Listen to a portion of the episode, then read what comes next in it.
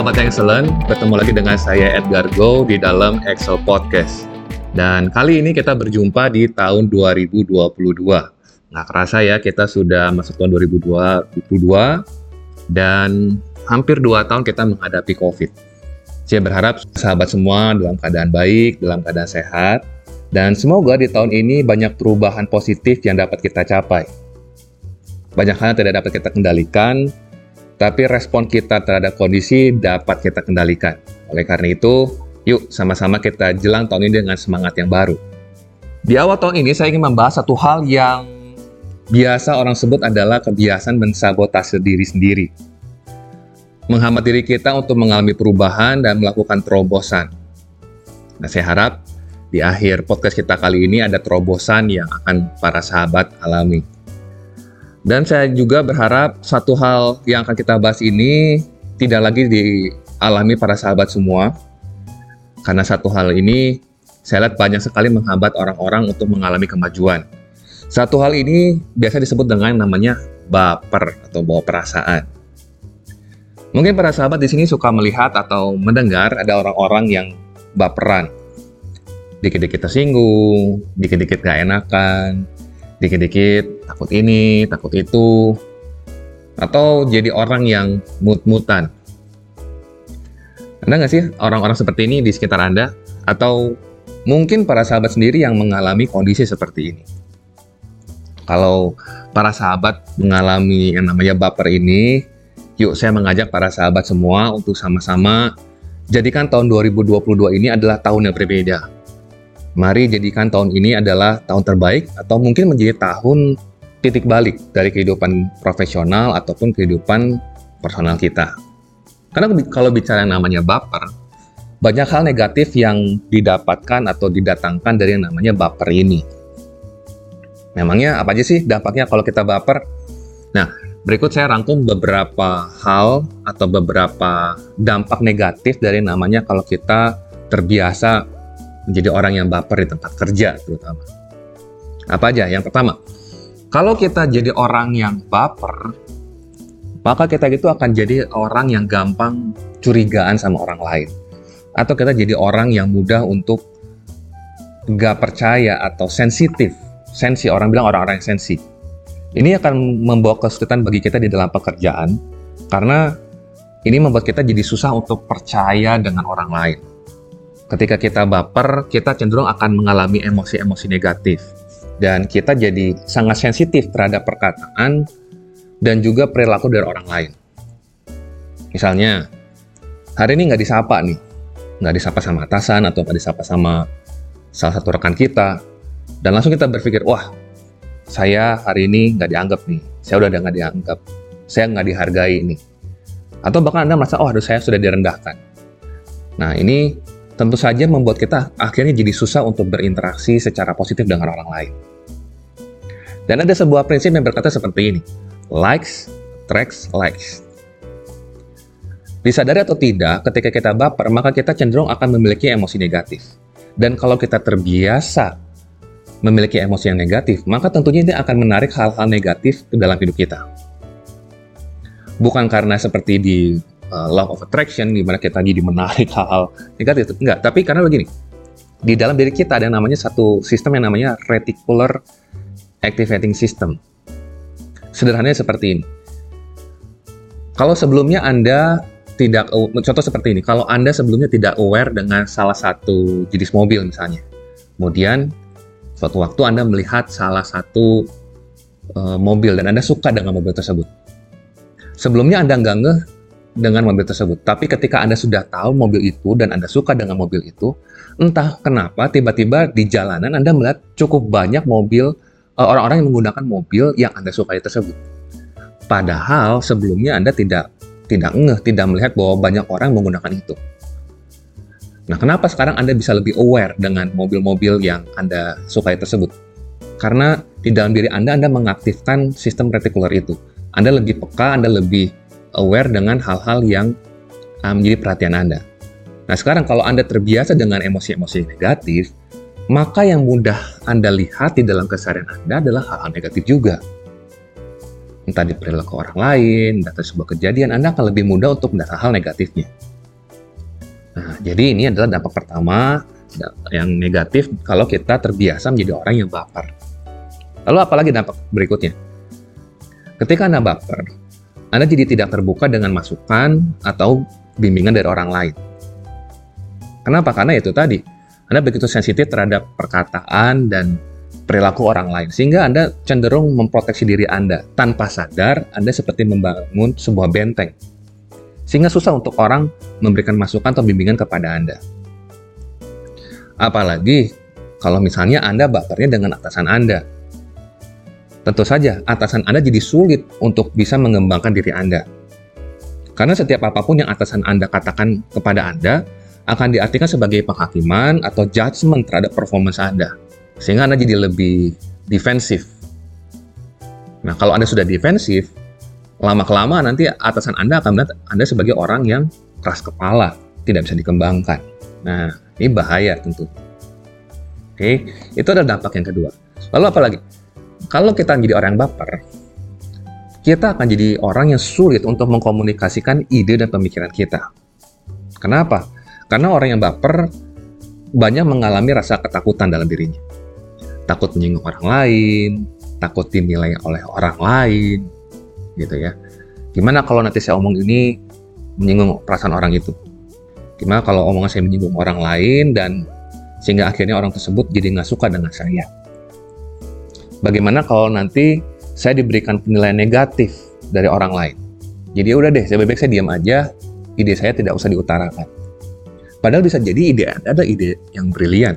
Bisa jadi ide Anda adalah solusi untuk mengalami perubahan di tempat kerja Anda. Tapi karena tidak berani untuk mengatakan isi hati Anda, pemikiran Anda, ya akhirnya nggak ada dampaknya. Orang lain nggak bisa melihat itu, gitu ya. Dan biasanya suatu saat ini akan membawa penyesalan pada diri Anda. Apalagi kalau misalnya ternyata ide Anda itu di, diutarakan juga oleh orang lain atau artinya ada ada orang lain juga berpikiran sama dengan Anda dan orang tersebut berani untuk mengungkapkan ide Anda dan ternyata ide itu diterima dan dipandang sebagai ide yang baik. Di titik ini biasanya orang orang uh, orang yang tidak berani untuk asertif itu akan merasa, aduh, saya menyesal. Kenapa ya saya nggak ngomongin sebelumnya? Seandainya tadi saya ngomongin ini, tentu kan jadinya kredit positifnya buat diri saya. Nah ini makanya bahaya untuk kita memelihara kebiasaan baper. Oke, itu dampak yang ketiga dan dan yang terakhir adalah kalau kita terbiasa menjadi orang yang baper, ya ketiga hal yang tadi saya sebutkan tadi akan bermuara kepada poin yang keempat. Apakah itu? Poin yang keempat dampaknya adalah karir Anda akan sangat sulit berkembang. Kenapa? Karena saat Anda baper, Anda sulit menerima feedback dari atasan atau dari rekan-rekan Anda, uh, sehingga orang lain, terutama atasan Anda, akan merasa Anda sebagai orang yang sulit dikembangkan, keras kepala, dan sebagainya.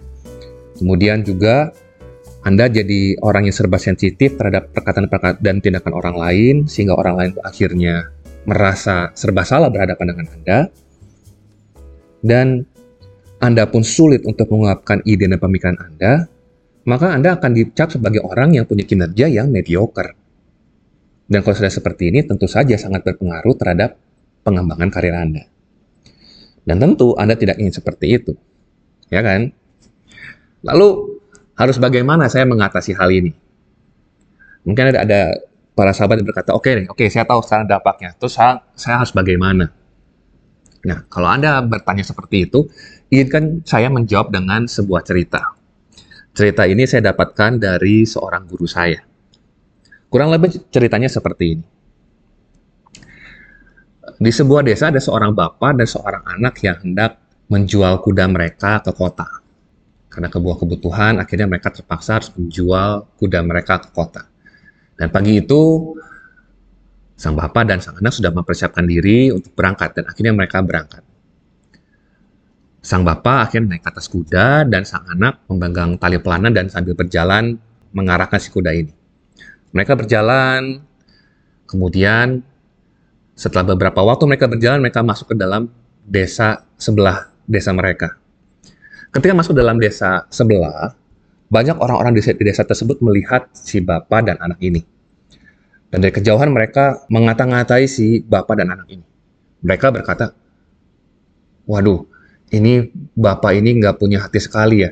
Masa bapak ini enak-enakan duduk di atas kuda, sedangkan anaknya capek harus berjalan. Mendengar perkataan dari orang-orang di desa itu, si bapak ini akhirnya kaget dan berpikir benar juga ya. Masa saya duduk di sini dan anak saya capek-capek jalan. Dan akhirnya si bapak ini turun dari kuda dan kemudian meminta anaknya untuk naik ke atas kuda. Nah, lebih baik kamu sekarang naik ke atas kuda. Dan akhirnya sang anak ini naik ke atas kuda dan akhirnya bergantian si bapak ini yang berjalan menuntun sang kuda. Kemudian masuk ke desa yang berikutnya. Di desa yang berikutnya mereka bertemu lagi dengan sekumpulan orang dan orang-orang di desa tersebut aneh terheran-heran dengan apa yang mereka lihat karena dari apa yang mereka lihat, mereka langsung berespon. Aduh, ini anak ini kurang ajar sekali. Kok dia tega-teganya membiarkan bapaknya berjalan? Sungguh ini anak yang durhaka. Mendengar perkataan orang-orang desa tersebut, akhirnya sang anak kaget dan kemudian, aduh, dia merasa tidak enak hati. Dan akhirnya mereka, anak ini turun dari atas kuda. Kemudian berjalan bersama dengan sang bapak. Bapak dan anak ini serta kudanya melanjutkan perjalanan dan akhirnya masuk ke desa yang berikutnya. Dan di desa ini, kembali lagi mereka bertemu dengan orang-orang dan orang-orang di sana bertemu dengan mereka dan memberikan pandangan mereka. Mereka berespon, eh ini dua anak orang ini aneh sekali. Kenapa mereka membawa kuda tapi tidak menaiki kuda mereka? Tapi mereka hanya berjalan dan menuntun kudanya. Sungguh bodoh sekali kalau mereka punya kuda, harusnya kan dinaiki ya. Mendengar jawaban dari orang-orang di desa ini membuat mereka berdua frustrasi. Karena seolah-olah mereka selalu salah. Dan akhirnya mereka memutuskan untuk akhirnya menggendong sang kuda ini. Mereka berjalan sambil menggendong kuda ini. Dan sesampainya di desa berikutnya, mereka ditertawakan oleh orang-orang di desa tersebut karena mereka, dikata-katai, ih orang gila, ini ada orang gila nih. Kok ada kuda, tapi mereka bukan naiki, tapi malah menggendong kudanya.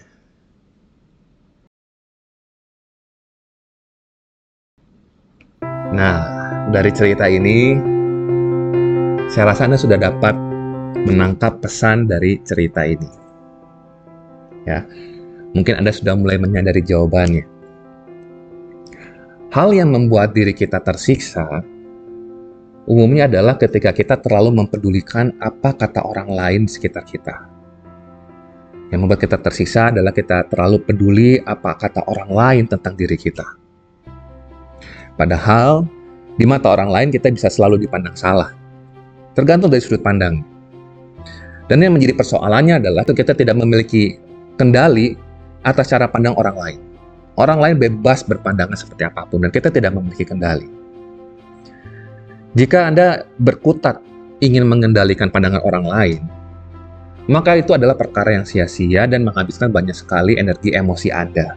Padahal, energi Anda bisa Anda dipakai untuk hal lain lebih positif. Bukankah lebih penting kita fokus pada kinerja kita dibandingkan pada penilaian orang lain terhadap kita? Karena pekerjaan yang di tangan kita itu sepenuhnya berada di bawah kendali kita. Sedangkan opini, penilaian orang lain itu sepenuhnya di bawah kendali orang lain. Ketika Anda memutuskan untuk merubah fokus Anda dari penilaian orang lain kepada kinerja dan goal Anda pribadi, maka Anda akan menyadari betapa banyak kelegaan emosional yang akan Anda rasakan. Dan semakin cepat Anda merubah fokus ini, maka semakin cepat kemajuan karir yang akan Anda dapatkan. Karena ketika Anda mampu merubah fokus Anda ini, maka Anda akan menjadi pribadi yang terbuka terhadap feedback dari orang lain, mau belajar, bebas, dan berani mengungkapkan diri dan pemikiran Anda. Bisakah Anda bayangkan, mulai besok Anda masuk kerja setiap harinya dengan perasaan hati yang ringan dan berbahagia. Bebas dari judgement, bebas dari penilaian orang lain pada diri Anda. Dan Anda sendiri yang dapat menebak seberapa besar kepuasan yang akan Anda dapatkan dalam pekerjaan Anda. So, sekian untuk podcast kita kali ini.